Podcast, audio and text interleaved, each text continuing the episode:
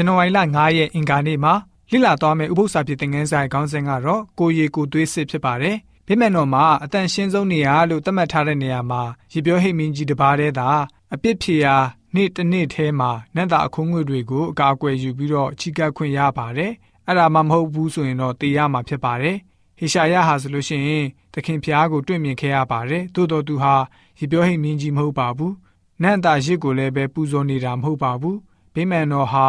မိကုန်းမှွေတွေနဲ့ပြည့်လျက်နေပါတယ်။အဲ့ဒီအချင်းရာဟာအပြစ်ဖြေရာနေ့မှာ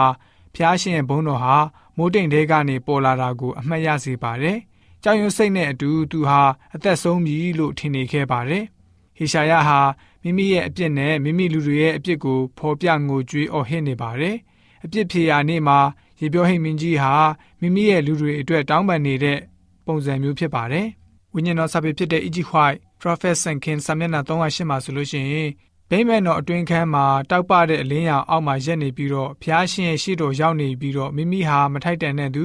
မစုံလင်တဲ့သူလို့ခံစားနေရပါတယ်။အမှုတော်အတွက်ခေါ်တော်မူခြင်းအတွက်သူဆောင်ရွက်နိုင်မှာမဟုတ်ဘူးဆိုပြီးတော့ယေရှုနေမိတယ်ဆိုပြီးတော့ဝိညာဉ်တော်စာပေကဖော်ပြလိုထားပါတယ်။ဟေရှာအနာဂတိကျမ်းခန်းကြီး6ငွေ6နဲ့ခွန်မှာကောင်းကင်တမန်တရေဟာဆိုလို့ရှိရင်မိဘကမိခဲကိုဘာကြောင့်အသုံးပြုပြီးတော့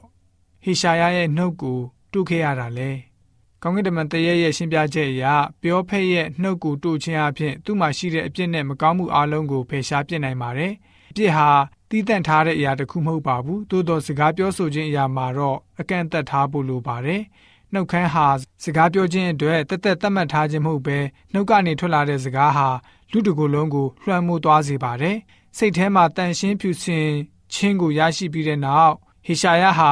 ယေရှုရှင်ကိုတန်ရှင်းစွာချီးမွမ်းမှုပြုနိုင်ပါတော့တယ်။မိဟာတန်ရှင်းခြင်းကိုကိုစားပြုပါတယ်။အကြောင်းကတော့အညစ်အကြေးအလုံးကိုလောင်ကျွမ်းပစ်တဲ့အတွက်ကြောင့်ဖြစ်ပါတယ်။သို့တော့ကောင်းကင်တမန်တရေဟာနတ်တာပလင်ကတီးတန့်ထားရှိတဲ့မိခဲကိုသာ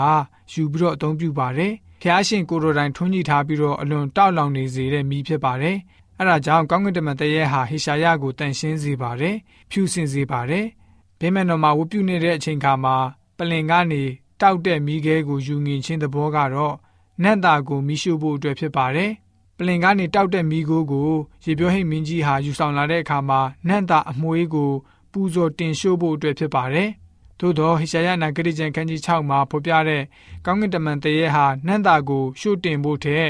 ဟိရှာယရဲ့နှုတ်ခမ်းကိုတိုးထိစေတယ်ဆိုတာကိုတွေ့ရပါတယ်။အောဇီမင်းဟာ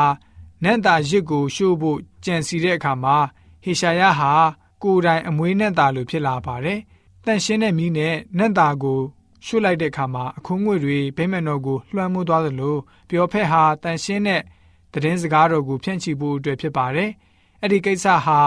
မော်တော်တဆပြုတဲ့ကိစ္စမဟုတ်ပါဘူး။ဟေရှာယနာဂတိကျမ်းခန်းကြီး6ရဲ့နောက်ပိုင်းအခန်းငယ်တွေမှာဖော်ပြထားပါတယ်။ဖျားရှာဆိုလို့ရှိရင်ဟေရှာယကိုမိမိရဲ့လူမျိုးအတွင်းကိုဆစ်လွတ်တော်မူခဲ့ပါတယ်။ဟေရှာယနာဂတိကျမ်းခန်းကြီး6ငယ်9ကိုဖတ်ပါမယ်။ ငါကလည်းငါ၌အမင်္ဂလာရှိ၏ငါအကျိုးနဲ့ရှိပြီးအကြောင်းမူကားငါသည်ညဉ့်ညူးသောနှုတ်ခမ်းရှိလျက်ညဉ့်ညူးသောနှုတ်ခမ်းရှိသောလူမျိုးတွင်နေလျက်နှင့်ကောင်းကင်ဘုရားအရှင်ထာဝရဘုရားတည်းဟူသောရှင်ဘုရင်ကိုကိုမျက်စိနှင့်မြင်လေပြီတကားဟုဆို၏ဆိုပြီးတော့ဖော်ပြထားတာတွေ့ရပါတယ်သူမြင်ခဲ့ရတဲ့ယူပါယုံအကြောင်းဖြစ်ပါတယ်ဖော်ပြခဲ့တဲ့အခြေခံပြဿနာကိုကျွန်တော်တို့အနေနဲ့ဘယ်လိုမျိုးမြင်နိုင်သလဲ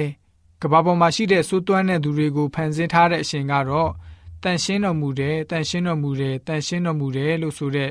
ထာဝရဘုရားရှင်ပဲဖြစ်ပါတယ်ဟေရှာယရဲ့မပြည့်စုံမှုတွေကိုဘုရားရှင်ကပြည့်စုံအောင်ဆောင်ရွက်ပေးနိုင်တယ်လို့ကျွန်တော်တို့ယဉ်ကျေးသူများရဲ့အသက်တာမှာ